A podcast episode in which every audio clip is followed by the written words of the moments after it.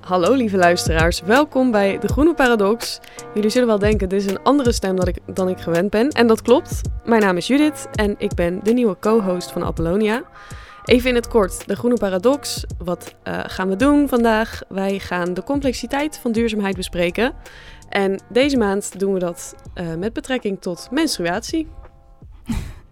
Nou, wat heb je dat goed gedaan, Judith, voor de allereerste keer. Oh, dankjewel. ik zat echt met, met pret oogjes naar te kijken en ik dacht, oké, okay, eh, niet er doorheen gaan praten. You go, girl. you go, girl. ja, nee, ik, ik dacht ook eigenlijk opeens van, um, ja, laten we jou voorstellen, omdat je er nu bij bent. Oh ja, waarom ben je erbij trouwens? Ik had het gewoon, het is gewoon best wel veel werk om Geen een podcast te maken. Ja, ik, ik had het gewoon heel erg, heel erg druk eigenlijk om uh, dit in mijn eentje te doen. En uh, Judith is mijn beste vriendin van de middelbare school.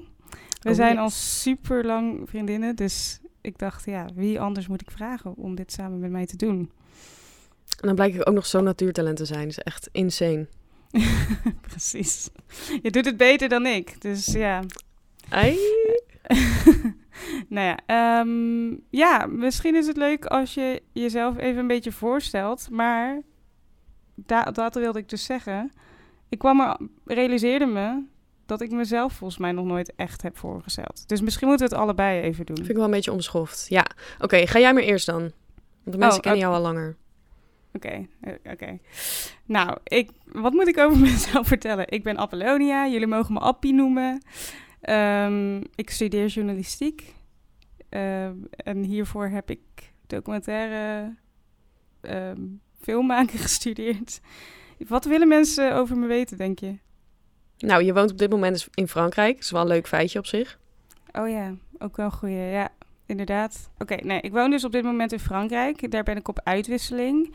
Ehm, om te studeren dus. En ik hou heel erg van talen leren. Daarom wilde ik ook naar Frankrijk, want ik ben Frans aan het leren.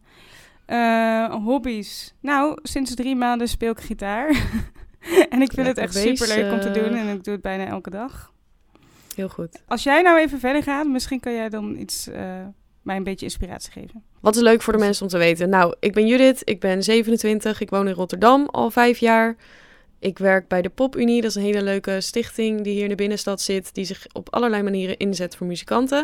Ik ben zelf ook muzikant en verder ben ik dus organisator. Ik organiseer de Grote Prijs van Rotterdam, Kunstbende Zuid-Holland, Rotterdam Music Awards, eigenlijk al de talentontwikkelingsprojecten die de PopUnie doet. Eh, daar ben ik projectleider van.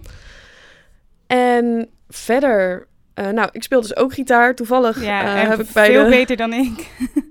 Oh, ik ben ook ook al echt- veel langer bezig, dus dat is niet eerlijk. Ja, dat is waar. Dat is zeker waar. En Zit je allemaal veren in mijn reet te steken vandaag? Ja, inderdaad. Eigenlijk wel, hè. Maar ik meen het wel echt. Dank je, wat lief. Mag ook af en toe. We mogen, weet je, als je al zo lang vriendinnen bent, dan ben je best wel vaak eh, een beetje bitchy tegen elkaar. Dus we mogen ook wel Klopt. af en toe gewoon heel lief tegen elkaar zijn. Ja, oké. Nou, gaan we opletten.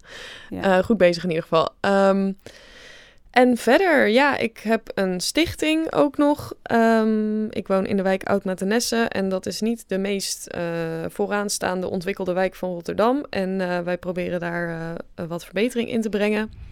En ik heb een hond, dat is eigenlijk het leukste feitje. ja, een hele leuke hond. Ja, en, Sowieso. en omdat ik nu dus in Frankrijk woon, is dat is ook de reden dat we vanaf nu het niet meer in de studio bij Echobox opnemen, maar op afstand en het vooraf opnemen. Maar dat geeft aan de andere kant ook wel wat meer flexibiliteit om met bijvoorbeeld internationale gasten te werken. Vandaag hebben we het dus over menstruatieproducten. En we hebben toevallig ook meteen twee eh, ja, internationale gasten gevonden. Yes. Was echt een superleuk gesprek, toch? Ja, ik vond het super gezellig. Ja. Ik was, vond het een beetje spannend van tevoren. Ik wist natuurlijk niet zo goed hoe of wat. Ik was een klein beetje zenuwachtig. Maar toen we eenmaal zaten, ja, het ging eigenlijk heel erg vanzelf. En de tijd vloog echt voorbij. Dus Ja. eh, Ik ben ook, eh, tenminste vorig jaar deed ik het natuurlijk live in de studio. Toen was ik altijd Mhm. nog wel zenuwachtig, want je moet toch een bepaalde aan een bepaald tijdsframe houden. Dus je moet heel erg op de tijd letten. En het liep altijd uit. dus altijd op het laatst was het zo van... Dan kwam Lorenzo, dat is de studio manager bij Echobox die kwam dan even zo naar me toe van... je moet nu echt stoppen. En dan zei ik zo... oké, nou, was leuk. Bedankt voor het luisteren. Doei. uh, dus daar hebben we nu wel weer wat, ook wat meer vrijheid in. En daarom, omdat we dus ook wat meer vrijheid hebben... om uh, verschillende dingen te doen... zeg maar om het op afstand op te nemen... kunnen we ook wat meer rubrieken eromheen doen. En daar ja, we hebben dus wat verschillende dingen bedacht om, uh, om dat het je niet meer één uur lang naar een interview aan het luisteren bent, maar dat er ook wat andere uh, ja, onderwerpen worden behandeld rondom duurzaamheid. En het eerste waar we het over willen gaan hebben is uh, ja, of we allebei wat, wat voor groen nieuws we de laatste tijd zijn tegengekomen. Ja. Had jij iets gevonden, Judith? Nou, ik moest hier wel even naar zoeken, want ik uh, volg het nieuws niet. Um, omdat ik, ik het over ik, het algemeen. Ja. Nou ja, ik ben een journalist, journalistiek student en ik heb ook al heel lang het nieuws niet echt meer gelezen.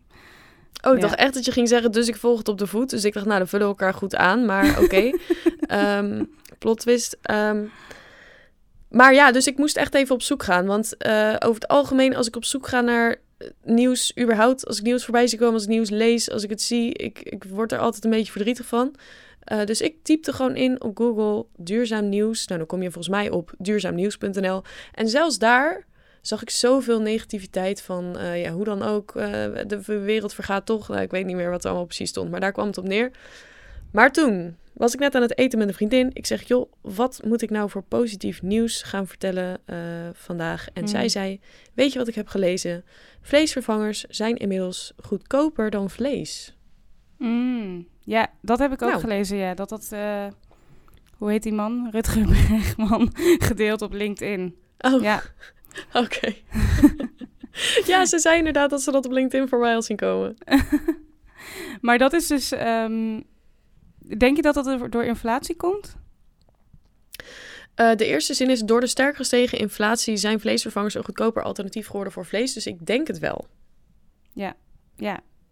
Nou, dus dat is dus eigenlijk een, uh, een soort van, uh, hoe noem je dat? Een, een positieve tussen, nee, ja, ja, precies, een positieve tussen aanhalingstekens consequentie van wat er allemaal gaande is in de wereld en van de inflatie. Klopt. Ja. Ik vraag me heel erg af of dit nu mensen gaat stimuleren om dus vleesvervangers een keer te proberen in plaats van vlees. Mm.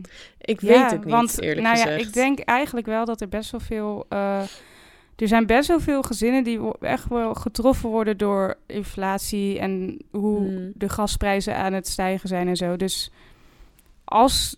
Het, het ligt er denk ik vooral aan of mensen weten dat vleesvervangers ook ja, goedkoper zijn.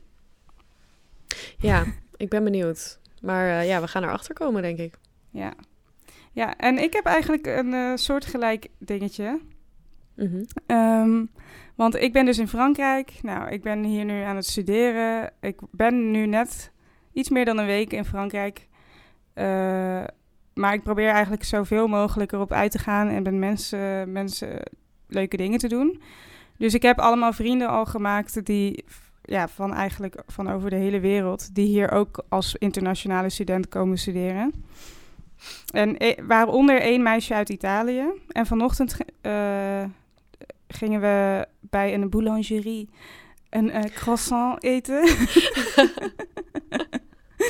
Heel goed. ja. Um, maar goed, ja, we hadden dus ook een gesprek over, over de uh, gasprijzen. Ja. En zij zei, want ze komt uit Milaan, en ze zei, nou ja, mensen daar die rijden allemaal met de auto, dat is de normaalste zaak van de wereld. Maar dat er nu is, omdat uh, in Italië is de gasprijs, of in ieder geval de benzineprijs, een van de duurste, geloof ik, van Europa. Uh, zeg maar in Nederland en in Duitsland en Spanje, geloof ik, hebben ze de accijns van uh, de uh, benzineprijzen verlaagd. Om het, mm -hmm. weet je, toegankelijker te maken voor mensen om auto te blijven rijden. Maar in mhm. Italië hebben ze dat niet gedaan, omdat ze daar blijkbaar een hele hoge schuld hebben in de, de, de, de, overheid heeft een hoge schuld, waardoor ze dat eigenlijk dus niet echt kunnen. Mm -hmm.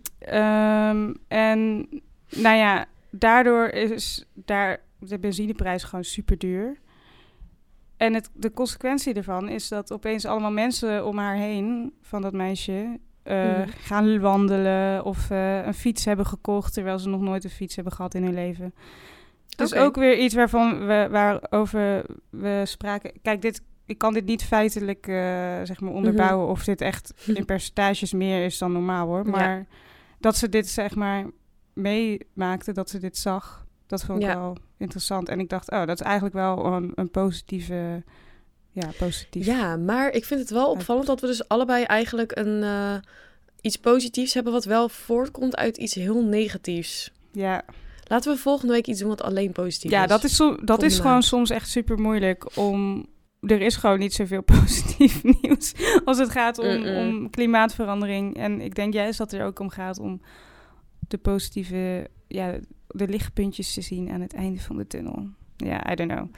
En ik bedoel, de overheid, waar ik wel echt ben achtergekomen is, hè, de overheid moet gewoon iets gaan doen om, om de wereld duurzamer te maken. Mhm. Ehm, en dat hebben ze ook bij corona gedaan. Bij de coronacrisis konden ze opeens plotseling allemaal handelen.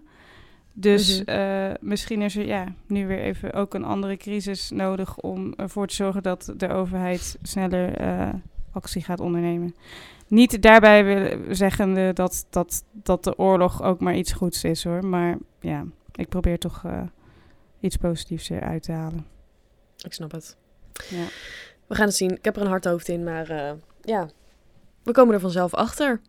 Ja. Ehm, dan is het denk ik tijd voor de volgende rubriek. En dat is geïnspireerd op een van mijn favoriete podcasts, Damn Honey. En eh, zij hebben altijd, stellen ze elkaar de vraag... wat is het meest en minst feministische wat jij gedaan hebt afgelopen week? Dus dat willen wij elkaar ook vragen, maar dan met betrekking tot duurzaamheid. Dus Ab, wat is het meest en of minst groene wat jij afgelopen maand gedaan hebt? Ja. Is het afgelopen maand? Want ik heb eigenlijk meer afgelopen week bedacht. Mag ook. Valt er ook onder. Ehm, nou, ik moet zo even nadenken natuurlijk. Ehm, Mhm. maar ik ben net in een nieuwe stad gaan wonen. Dus eh, dat was sowieso... Ik moest de afgelopen week heel veel dingen regelen. Nou, ik denk het goedste wat ik heb gedaan... om maar iets te zeggen, is dat ik een fiets heb gehuurd. Eh, Hey. Ja, voor 6 euro per maand voor studenten kan je hier een fiets huren. En de, deze, ik ben in land. En het is een hele fietsbare stad. Dus dat is super chill. Ehm, en het minst groene, ja. Nou ja, eh, ik heb dus wat eh, spullen gekocht voor mijn kamer... die ik waarschijnlijk over vier maanden weer weg ga doen. Dat is toch een beetje zonde. Maar ja, ik had gewoon Ja. wat spullen nodig. En ja, ik ben in Frankrijk. Oh jee, het gaat nog verder. Mhm. Er zijn croissants. Er is heel veel Mm. Franse kaas. Ja, Mhm. ik kan me gewoon niet inhouden. Want voor luisteraars normaal eet je veganistisch. ja. Dat Nou weet ja. niet iedereen misschien van je. Ja, precies. Eh, Sowieso vind ik... Ik noem mezelf vegan, maar eigenlijk vind ik het, niet dat het iets zwart-wits is voor mij. Omdat je gewoon... En eh, dit is waarom ik dus de term flexanist probeer in te brengen. Ja, maar ik vind juist... dat Eigenlijk heb ik hier een platform voor. ja, maar ik ben juist ervan... Ik wil juist...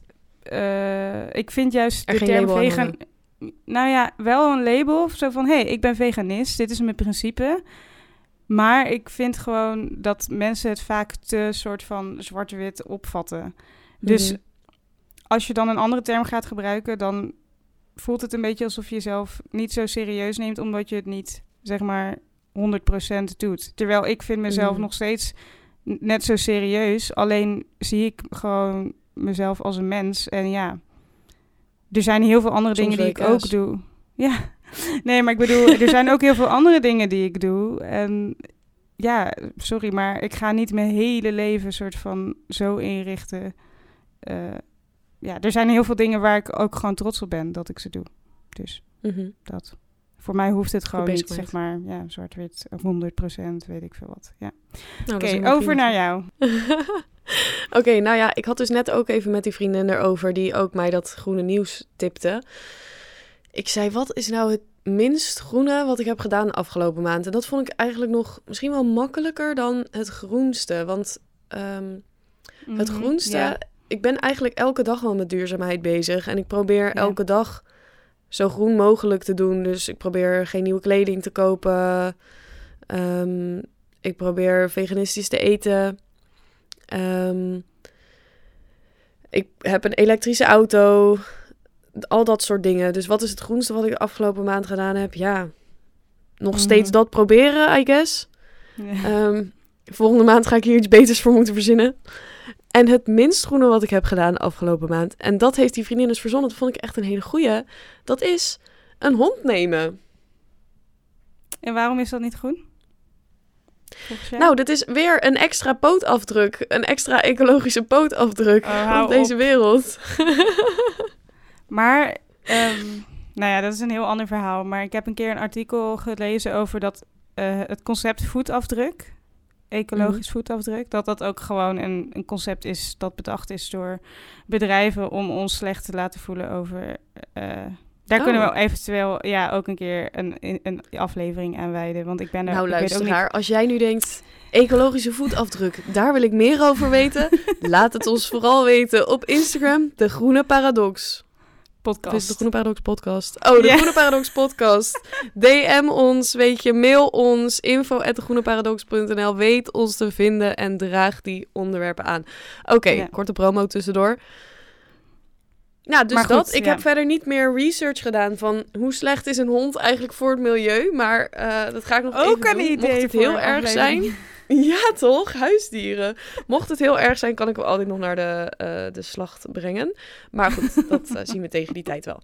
Oké, dat was okay. hem. Ja, dan gaan we nu denk ik gewoon maar naar het interview luisteren. Want we hebben het dus over menstruatie gehad. Het begon eigenlijk een beetje met de vraag van... Goh, uh, ik denk dat best wel veel mensen die naar deze podcast luisteren wel bekend zijn als je tenminste menstrueert uh, met de menstruatiecup als uh, alternatief voor maandverband. Dus het is een her mhm. herbruikbare cup die in je vagina doet en die vangt het bloed op voor als je het niet wist. Uh, maar wij waren benieuwd of er ook ja, andere opties waren en hoe dit eigenlijk zit met um, of dit voor iedereen realistisch is om zoiets te gebruiken om over te stappen naar herbruikbare producten. Um, ja, en dat soort dingen. Dus ik zou zeggen, laten we maar gewoon gaan luisteren ernaar.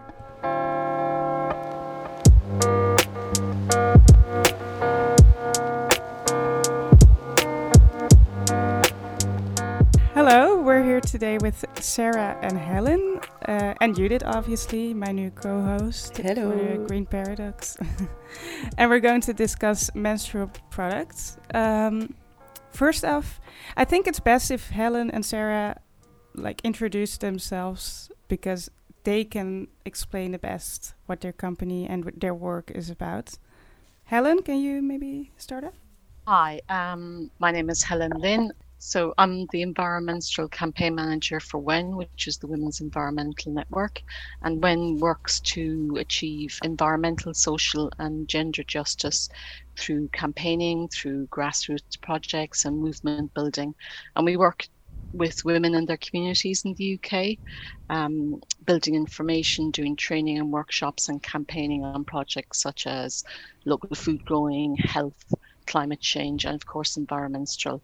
And we began working on issues around menstruation in 1989. So we've been doing this for quite a long time and really pleased to be joining you today. Thanks very much. Yeah, thank you so much for joining us. Sarah, and, can you uh, introduce yourself a bit? Yes. First of all, thank you so much for the invitation. It's, it's really an honor. Uh, my name is Sarah Cadavid. I'm Colombian and I work for a company called Beppy. Uh, I am the creative director, so to speak, like creative, creative production and design manager here in the company. Um, and I, of course, I will be talking based on my expertise. I've been working already uh, with this menstrual hygiene and menstruation products for about five years. I don't have that much experience as Helen, but I, I, will, I will do my best and and well i will be taking a point of view of course of how menstruation works and menstruation products work from latin america and europe like the differences between the two so let's hope for the best that's actually very interesting yeah yeah i think to start off you know we're talking about menstrual products or menstruation today. But what is, you know, the problem in regards to sustainability? Because this podcast is about sustainability. Um, should I? Um, well, where do I start? Um, I think if we we look at um, uh, how many products are used, really, it's not a thing we think about a lot. Certainly, because the majority of products that have been used are single-use disposables, and generally, women and people who menstruate use more than eleven thousand disposable menstrual products in their lifetime, and that's based on an average of thirty-eight years of menstruating uh, usually about 22 items uh, of products um, per cycle. And quite a lot of these are flushed down the loo and end up polluting our rivers and waterways and end up on our beaches. And the issue is because 90% up to 90% of these products can be plastic. Um, and we know the plastic never really goes away, it just breaks down to smaller, smaller bits. Um, it can end up in landfill sites, but again, it can end up on our, our beaches and um, it can actually uh, p- pollute and block sewers on, on the way there as well. Um, I mean, the, the waste is one side, but the other side, which to me is more important, is around health issues of these products. Um, period products have been found to be a considerable source of toxic chemicals. Now, even though these chemicals can be present in very, very small amounts. You know, 11,000 products over a lifetime can expose you to quite a lot of um, small amounts of, of chemicals in a very, very absorbent place. The vagina, the vulva is a very absorbent place. Um, and there's no regulation on these products at all. Even in, in Europe at the moment, they're generally covered by the General Products um, Safety Directive, which doesn't even specifically mention them. So we're really concerned about the waste, but more importantly about the health, and that's why we, our campaign is mainly looking at educating people about using reusables um, as a really viable option and affordable option as well, and a much more sustainable option. So there's actually two sides to the problem. Uh, one, there's the waste, and secondly, there's the chemicals. And um, what kind of chem- chemicals are we talking about here? Do you know? That there's there can be quite a few. Um, there's been quite a lot of independent testing done on on period products, the disposable, but also some of the reusable, reusables as well. Um, and the issue is that a lot of these chemicals are called endocrine disrupting chemicals. And our endocrine system basically is our body's messenger system and it controls every aspect of life. So anything that can interfere with the uh, endocrine system is, is a real concern, is a real problem. So we're seeing chemicals like phthalates, which are used to soften plastics, um, bisphenols, which again are used in plastics. We're seeing residues of pesticides, which have been used on cotton crops like glyphosate. Um, and a whole range of other chemicals, as well as the chemicals that are there that are added, such as fragrance, synthetic fragrance, which can be a cocktail of up to 3,000 chemicals. So again, even though they're very present in very, very small amounts, some of them are carcinogens, some of them are allergens, some of them are irritants. Um, and it's not something really you want to, to, be exposing yourself to. And also, there's the issue around bleaching, which, sorry, maybe I'll, I'll, I'll let Sarah explain about. No, I was I was actually going to mention the dioxins and furans that is the ones that are in charge of the of the bleaching of the of the cotton. Uh, and also the coatings that they put over the tampons for to make the insertion a little bit easier. And also there are carcinogens and those things are not only bad for the body specifically but also for the environment. And i want to add something about the menstruation and waste and how do we manage um, the menstrual waste because uh, if you if you flush it out the toilet, okay, probably that would that would be the best case scenario in much uh, in much cases, but also you have to to discuss whether you burn it, you flush it, or you just put it in the trash and it would uh, finally end up in a landfill. So I want to ask Helen, what do you think is the best way to to manage this menstrual waste? because it's, it's an interesting question. If there is waste, you're If- if- saying. exactly. there if is, there's a there is way. waste. I mean, it, we've seen them grow here uh, by 18%, uh, and of people and, and women and people who menstruate switching to reusables.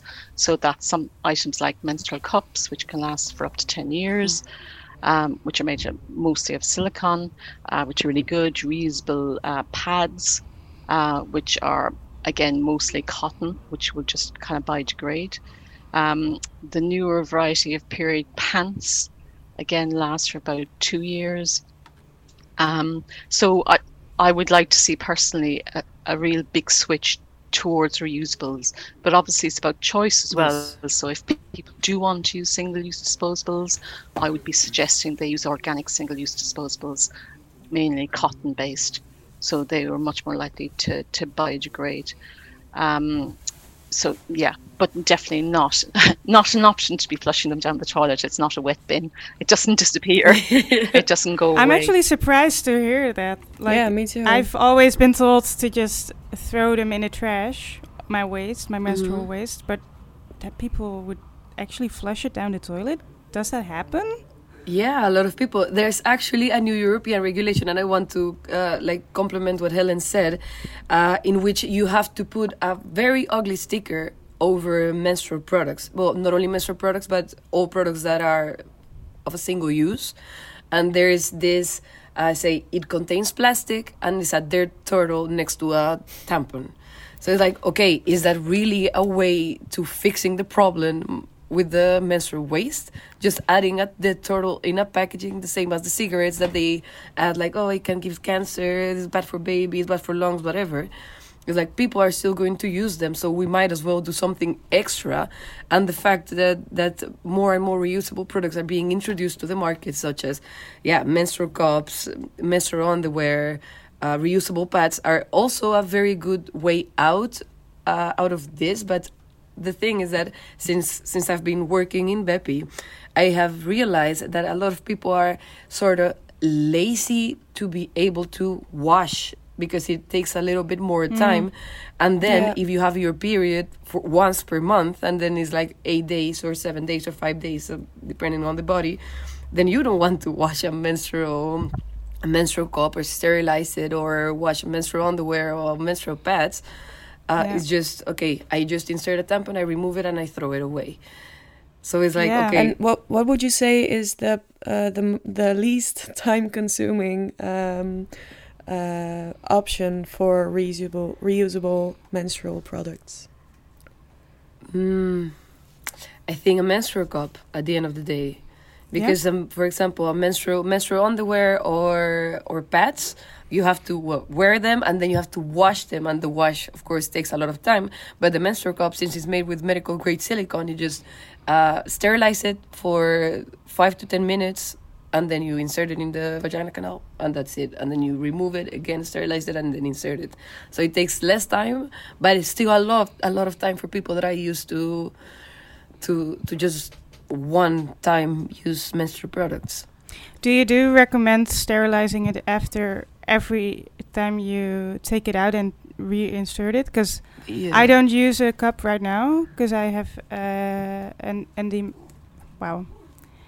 intrauterine device. I cannot. Endometriosis. uh, yeah, I can pronounce my own condition, endometriosis, uh, and I found that you know, like big bulky things inside my vagina canal actually uh, worsen my symptoms. But I have used it a lot before, and I, uh, I was always just you know using it f- throughout the week, my men- throughout my menstrual week, and then y- you know, boiling it or sterilizing it for the next use, but not in between. You don't you don't have yeah, I to think it's better. no, you don't have to do it after every use. Just probably once a week or or or thereabouts. You just kind of wash it with with water and stuff. Do you think? Uh, Mm. yeah, that's that's that's like a a- like a, a there's like two sides of the story when it Mm. comes to sterilizing menstrual cups, because we in Beppy were a, a medical uh, a medical company in a sense. So we do a lot of scientific research based on how you must wa- uh, wash your menstrual products, specifically the menstrual cups. And it's better to sterilize it every after each use. Of course, that's really not possible for everybody because you have to take into account how people go through their day. Like if you're in the office, how are you going to sterilize the cup? But it would be better to um, to sterilize it after each use because of the to- toxic shock syndrome and that's another another weird thing that people have in their minds that toxic shock syndrome is directly related to tampons and in yeah. a in a sense it is but it's not just because of the tampon uh, toxic shock syndrome can be present in kids in men in women whatever all sorts of ages is when the the blood oxidizes and then you insert something in the vagina canal and then that oxidized blood touches your bloodstream like goes back into your bloodstream in a sense. And then that's when your body doesn't recognize it anymore and then that's when toxic shock syndrome appears um, and it also can happen with menstrual cups and a lot of people say no it cannot happen with menstrual cups but it can because when you insert a menstrual cup any menstrual cup inside of the vagina canal you insert air. That's how the vacuum is made. That's how Has the cup remains in place. Sarah, just have have there been many cases of TSS with menstrual cups? Not many, not many, definitely not. Not as much as with with tampons. With tampons is uh, usually more common mm. because the tampons leave behind fibers, different yeah. like well traces traces of cotton mm-hmm, mm-hmm. and that that can stay with with blood that was has already been oxidized and i mean there's other I mean, just in terms of, I mean, I suppose the economic situation at the moment for, for people, you know, I mean, you can save up to £5,000 over a lifetime by switching to reusables. You know, so they're yes, very, sure. very viable option. And what we're finding here is that uh, Scotland was the f- first country in the world to provide free period products for everyone that needs them. And there mm. there is a provision for for reusables what we found is like the lack of education around how to use and mm-hmm. care for the reusable exactly you know may put people off so we've, mm-hmm. we've been working with um, hertfordshire county council here to educate teachers to educate pupils on how to use and care for their reusables but also to talk about the sustainability issues and the health issues as well yeah i i was also like um surprised because i you know, in my mind, this uh, what's it called again? Toxic toxic shock syndrome. Toxic shock syndrome. Yeah. Um, I thought this was actually related to the chemicals in tampons. You know, it just goes to show how uneducated I am. no, it's uh, it's completely normal. It's thought to be linked to the rayon, isn't it? Because the originally the tampons are a kind of mixture of rayon and cotton. And mm. I mean, I, I think it's fair to point out that it is a rare condition, rather we would not have scared the, the living daylights yes, yes, yes, yes, yes, It is a rare condition. Um, unfortunately, here, yes, um, some young women have sadly died from toxic shock. Um, I think it's about raising awareness about it. Um, yeah. And you know, I mean, that I don't think there's anything we can use that would be completely free of you know. Um, and I, you know, I, I think convenience is the enemy of um, sustainability. You know, we've been mm. sort of used to this yeah, lifestyle true. where we just use and throw, use and throw, and not even think about where it goes. And yes. I, I think we have to. That's where the education comes in. You know, we cannot live like this anymore. It's not viable.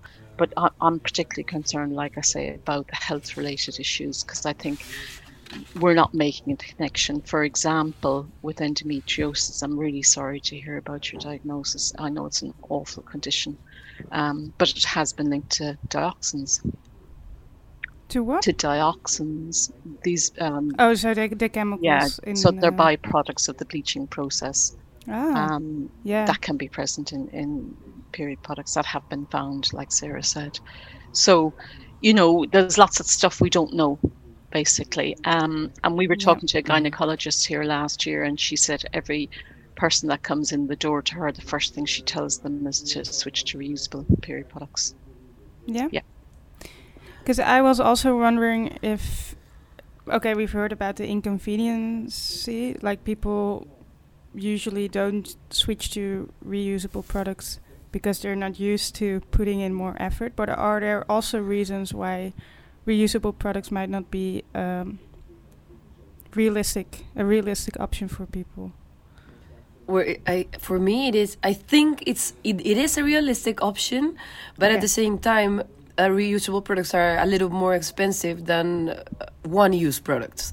Yeah. And then people, what I've been, uh, for example, analyzing in Colombia is that people don't understand that it's a long-term investment what they're doing, what they're buying. It's something that they can use for two years for the menstrual underwear, three years for the pads, and almost 10 years for a menstrual cup. And it's also uh, the taboo of using this type of products in in um, in terms of menstrual cups in Colombia, and I'm I'm start uh, I'm just starting to talk about how it works in Latin America. We're Latin America is a very Christian and very Catholic. Well, in general, the all the countries are are very religious, and that means that you cannot touch your vulva, you cannot touch your vagina, you cannot talk about it, you cannot talk about menstruation because it's a sin in a in between brackets. Yeah. And I grew up like that. I grew up hating my menstruation. I grew up hating my body. Uh, when I first got my menstruation, of course, everybody was very happy. Oh no, you're a woman now, whatever. And the first thing that my mother told me was, okay, now you have to be careful because you can now have babies. Because there's something so just ingrained in our culture that it's so deep in which okay now you can be a woman and then you have to be afraid of being raped and you have to be careful of not allowing anybody to touch you, not even yourself.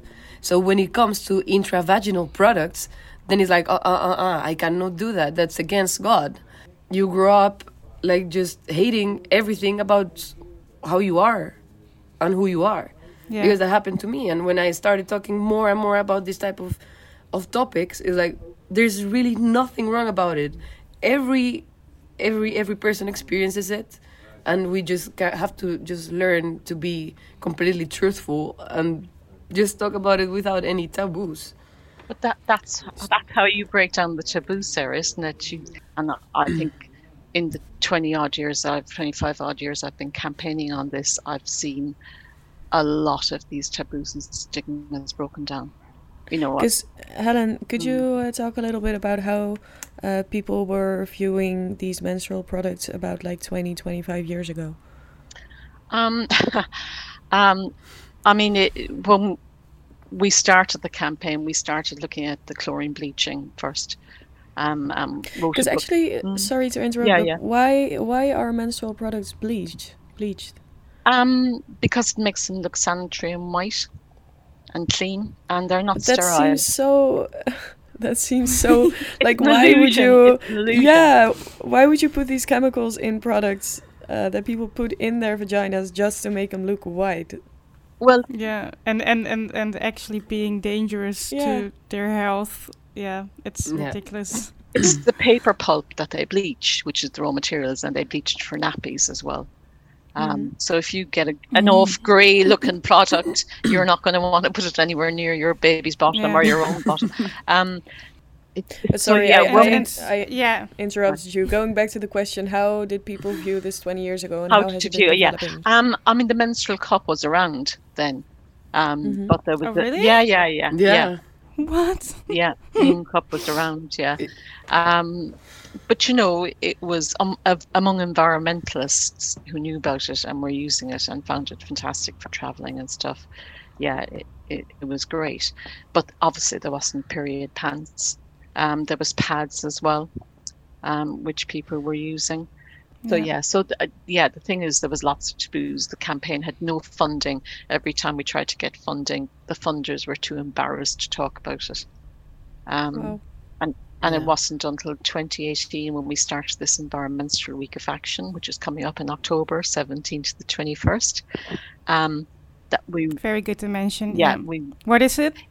It's um well it, it's basically we encourage everybody who's campaigning um, who works on who um, to talk about uh, menstruation um, talk about all the issues around menstruation this year's theme is around shame so we're looking around shame around uh, periods period products uh, period poverty And it's international, right? It's international, yeah. There's um, More of them. a European group campaigning as well, and Break Free from Plastic gets involved.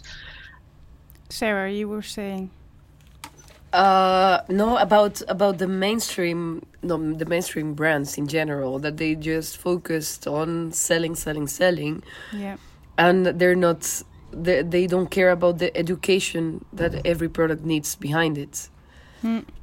So I I like what like the um, the initiative that Helen just mentioned about just teaching people about these kind of products and also discuss about topics that are related to menstruation that are not necessarily related to products but uh, for example about menstrual poverty. Because in Colombia more than 75% of women cannot have a a dignified menstruation so to speak. They use they use socks trash bags uh, Wow. old t-shirts newspapers for for their menstruation they even skip school because they don't have the normal products to to go to school with or they they don't t- tell their parents that they are their menstruation because of the taboo that we discussed before Are there like in the uh, maybe poorer countries uh, where there's a higher menstrual poverty? Um, is there enough clean drinking water around to even clean the cups or whatever in between the uh, when inserting it? that's uh, that's an issue Yeah. we have donated a lot of a lot of cups in, um, in towns in Colombia but that's really an issue that's why you have to boil the water very Mm. well before you sterilize the cup but at the same time they they don't have enough money so to speak to buy for example two kettles one for the coffee one to sterilize the cup Even in the UK, like it's estimated, like over um, 30% of girls um, during lockdown, you know, were struggling to access period products. This is when they couldn't Mhm. access the, the free products in school as well. And, you know, we have people using toilet paper as well, and not as much as, you know, I mean, every country is different, you know, but I, Mhm. I, I, I, I think now things are changing. I hope. I can see a rising awareness about this. Because how long have um, uh, disposable pads and tampons actually been around? Because I feel like it's still a pretty new thing. And also, how did people? Uh, what did people use before that? Um, in 1950s, I'm, I'm, I'm thinking, I think uh, my memory is that nurses um, used to use surgical bandages and stuff. Um, and uh, then, um, yeah, people started looking at making the single use disposable pads. Um, but I, uh, I suppose before that, people used a variety of things. I, again, around the world, it's all different. Rags, um, Mm-hmm. reusable reusable pads. People use sponges. Sarah probably knows about this with TSS. Um, not something we Yes. particularly recommend. Um, Mm. I'd say, yeah, sorry, about the last 50 odd years, let's say, or more. And but disposable products were they more safe generally than what they were using before, or Um, I think that probably di- dif- different issues. I wouldn't. it- okay? it's hard, you yeah. know. It's hard to. Maybe there was sort of biological hazards with with stuff before with using re, um, reusables in terms of washing and mold and you know um, a whole host of other things and. Um, but yeah, I, I think the issues are different. Sarah, maybe you know more about the. Yeah. Also, uh, we have, for example, here in Beppy, we have uh, menstrual sponges, but sterile menstrual sponges. And uh, what Helen said before is like the sea sponges. There were a lot of sex workers that, uh, well, their their only source of income was, of course, uh, being a sex worker. and Yeah. if they were on their menstruation, then people, of course, they didn't have to, they didn't want it to to have sexual intercourse with them. So they went to the sea, they took sea sponges, they just washed them a bit and inserted inside of the vagina canal, which caused them uh, a lot of terrible infections and in some Wow. cases death. So that's why we we started with this this type of business in Beppy like a long time ago in the 1980s, sort of around that, to create a sponge that could make the sex workers just do their job Wow. in a in a in a very cor- in a correct way Yeah, because I was already thinking like, okay, you do have one uh, a single-use product, the tampons, which are like Mhm. sponges. Mhm. For the listeners out there, you can, you know, uh, look at Beppy's website to see what I mean. And I was already thinking like, why do you have a single-use product uh, that you're selling instead of only reusable products? But yeah, because it's probably one of the oldest products that you were yes, producing, right? yes, correct. Yeah. okay, wow. Yeah, so the the thing is that we were we have been discussing m- in many ways how to do this tamp how to make these tampons reusable, and it's possible in a certain level. And I want to just talk back at the beginning that people sometimes are a little lazy when it comes to Mm. uh, having a correct hygiene with their products. So we can say, okay, you can reuse this tampon if you wash it with hot water, then cold water, then you squeeze it, then you sterilize it, then you do this and that, and then people probably might think, okay, I will do the whole process and then ins- I insert it and then the tampon will be clean, or or they say, ah, it's okay if I just wash it a little bit with water and then I insert it and then that can cause um, toxic shock syndrome. So it's better safe than sorry and be sure that what you are selling would be would give no harm to anybody. Just so there are options for everybody, right? Yes. Yeah, I'd, yeah. I'd like to know. I mean, we have people who have mentioned sponges and use cotton, rolled up cotton for as reusable tampons. Mm, yeah, I have one here. Yeah, I, but I, I don't know. You know, they ask are they are they safe to use and stuff, and I don't I don't know the the research, and I'm not really you know if it's not very dry. And anyway, I, I would Exactly, yeah. That that's that's always the problem that you don't know like the the hygiene practices of every person. And then somebody can say, "Yeah, whatever. I don't listen to you. I just do whatever I want." And then once when the problems come. So that's why if you if you say it in your website and it's in the packaging and whatever, now that I'm into customer service, they usually don't follow the rules or they don't follow the know-how of how the product should be used. So then that's a problem. It's like, okay, the company can say whatever, and we know we have all the expertise, we have scientific background, but if a customer doesn't say what we doesn't do what we say that they should do, then then the, the cycle Yeah. is broken. And another thing is not necessarily related to something that is really positive for the body.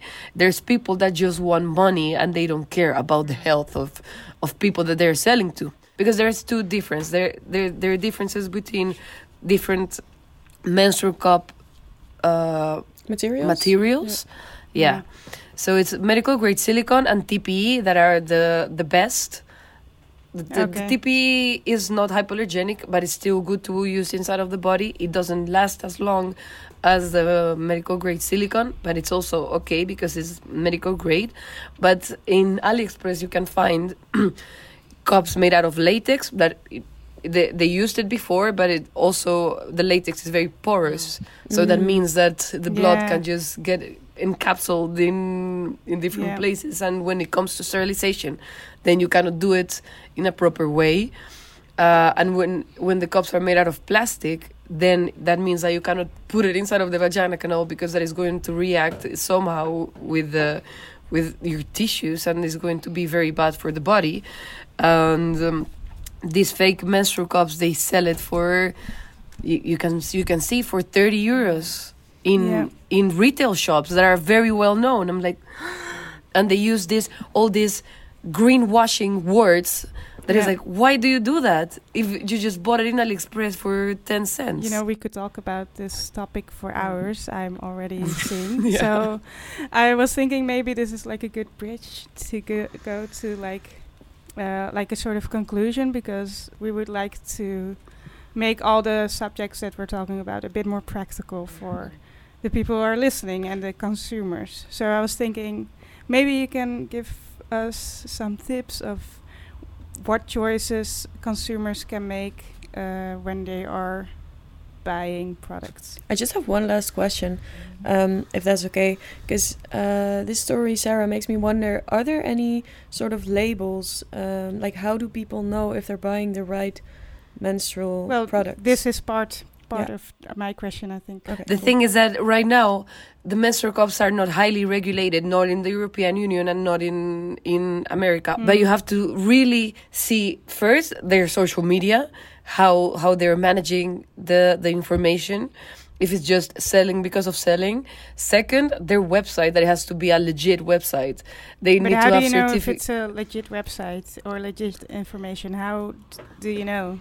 Um, first, yeah, check the product. And just in a click away, you search in AliExpress whatever product you're searching. If you find it in AliExpress, you know that it's not a good product. First off, um, you can search for seals as uh, European conformity, for example, the CE.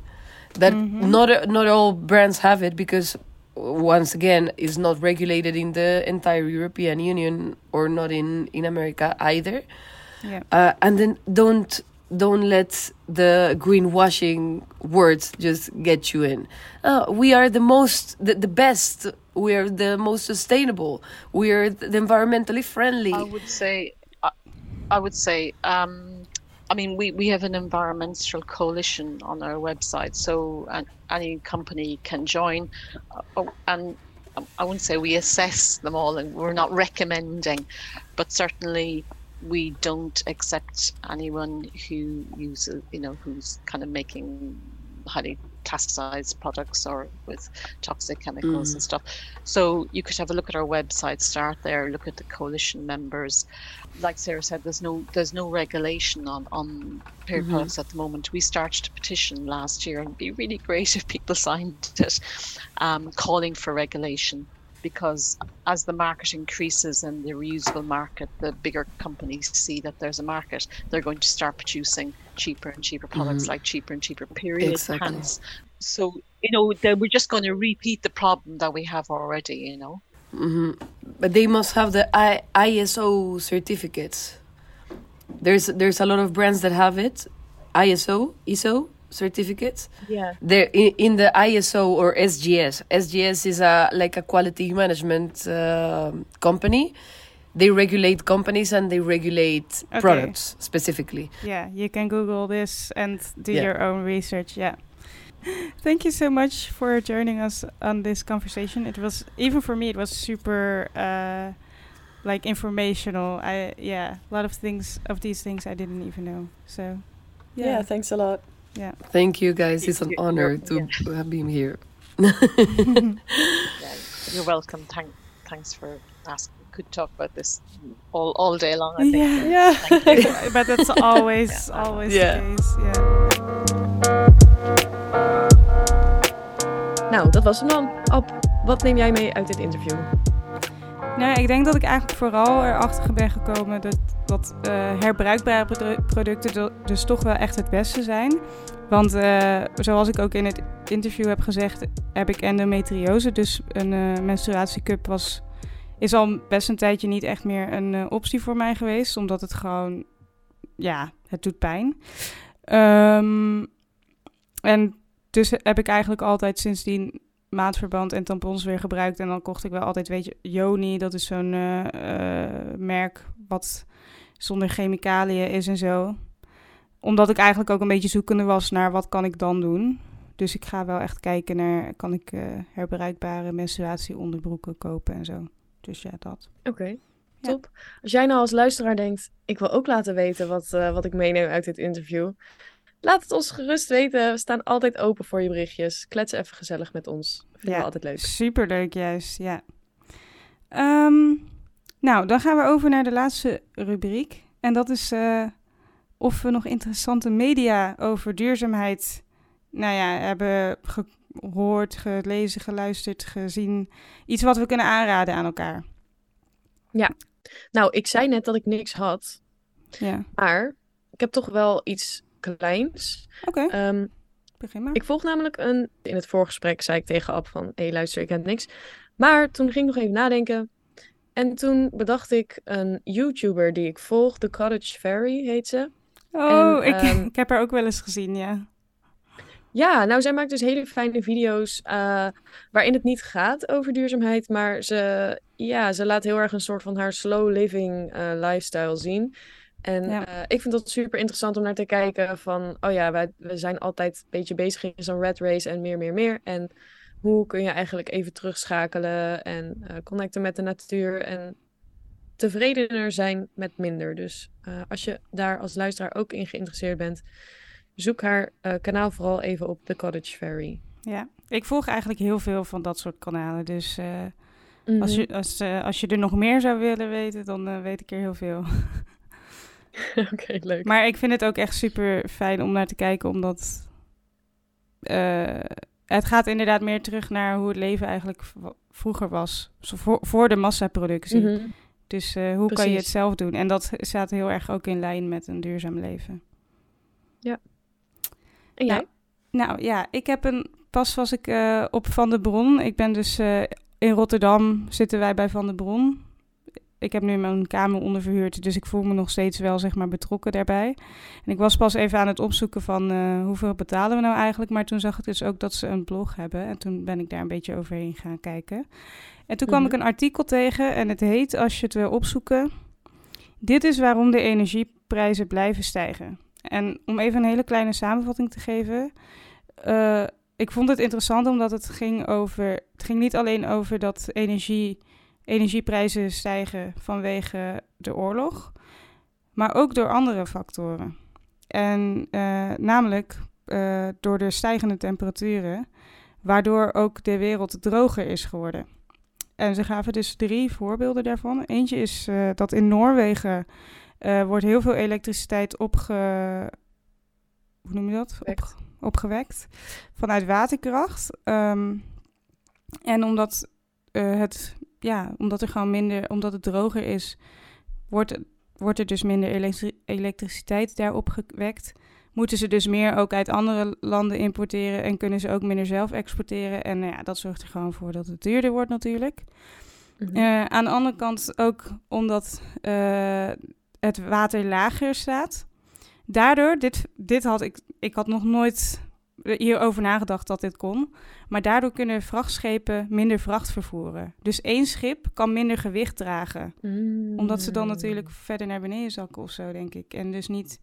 Nou ja, ik weet eigenlijk niet of dat de reden is, maar dat lijkt me de logische verklaring. Maar daarom moeten ze dus bijvoorbeeld voor eh, steenkool, als ze Mhm. steenkool vervoeren, kan er minder in één vrachtschip. En is het duur, dus duurder om het te vervoeren. En omdat er, ja, en omdat er nu dus heel veel eh, vanuit eh, steenkool wordt opgewekt, ja, wordt het daardoor ook duurder. En de derde was ehm, dat eh, in Frankrijk heel veel kerncentrales worden gekoeld door rivierwater, maar dat de Mhm. temperatuur van dit rivieren stijgen. En daardoor dus die eh, kerncentrales minder goed gekoeld worden en er dus andere middelen voor gebruikt worden. Ja, Sick. Insane toch? Ik vond het echt super Ja. interessant. Maar dit is dus eigenlijk een heel artikel om onze existentiële dread rondom klimaatverandering verder te voeden. Fijne afsluiter, Ab. Dankjewel. Sorry. We begonnen zo goed en positief inderdaad. Misschien kunnen we Ja. het beter omdraaien. Echt, hè? Nou ja, Ja. nou, eh lieve luisteraars, dit is waarom je naar onze podcast luistert. Jullie kunnen allemaal met een fijn gevoel verder met je leven. Nee, ehm, ja, nou ja, het is wel zo. Meer kunnen we er niet van maken. Nee, maar ik vind het wel gewoon... Ik vind dat soort dingen gewoon ook heel interessant. Het maakt je ook bewust van hoe de wereld in elkaar zit. Ehm, en waarom het dus ook beter is om op groene energie over te gaan. Want ja, dan hoeven dus ook geen vrachtschepen gebruikt te worden of kerncentrales gekoeld te worden. Dus, hè? Ja. Ehm, Al is kernenergie is wel debatable hoe groen dat is. Maar dat is misschien voor een andere Mm. podcast. Ja, daar heb, dat staat volgens mij ook al ergens op het lijstje. Dus eh, genoeg ideeën in ieder geval. Ja. Ehm, nou ja, ik wil zeggen, bedankt allemaal voor het luisteren. We, we hebben denk ik nog wel één mededeling. Judith heeft het wel al een heel klein beetje laten vallen, eh, zo hier en daar. We hebben sinds kort een Instagram-pagina. Eyo. En hij heet... Ed De Groene De- Paradox podcast. Ja, precies. En daarop zullen we gewoon ook delen wat we gaan doen, wat voor afleveringen er komen. Waarschijnlijk ook tussendoor gewoon wat leuke dingetjes die we tegenkomen, maar die niet een hele aflevering eh, zullen vullen. Dus ja, volg ons vooral En als je een idee hebt of een vraag of weet ik veel wat, dan kan je ons via die Instagram pagina dus bereiken. Yes. Ja. Gezellig. Ja, ik vond het super gezellig. Super leuk. Ik ook. We hebben het gewoon gedaan. Onze eerste aflevering samen. Yay. Dag. Dag.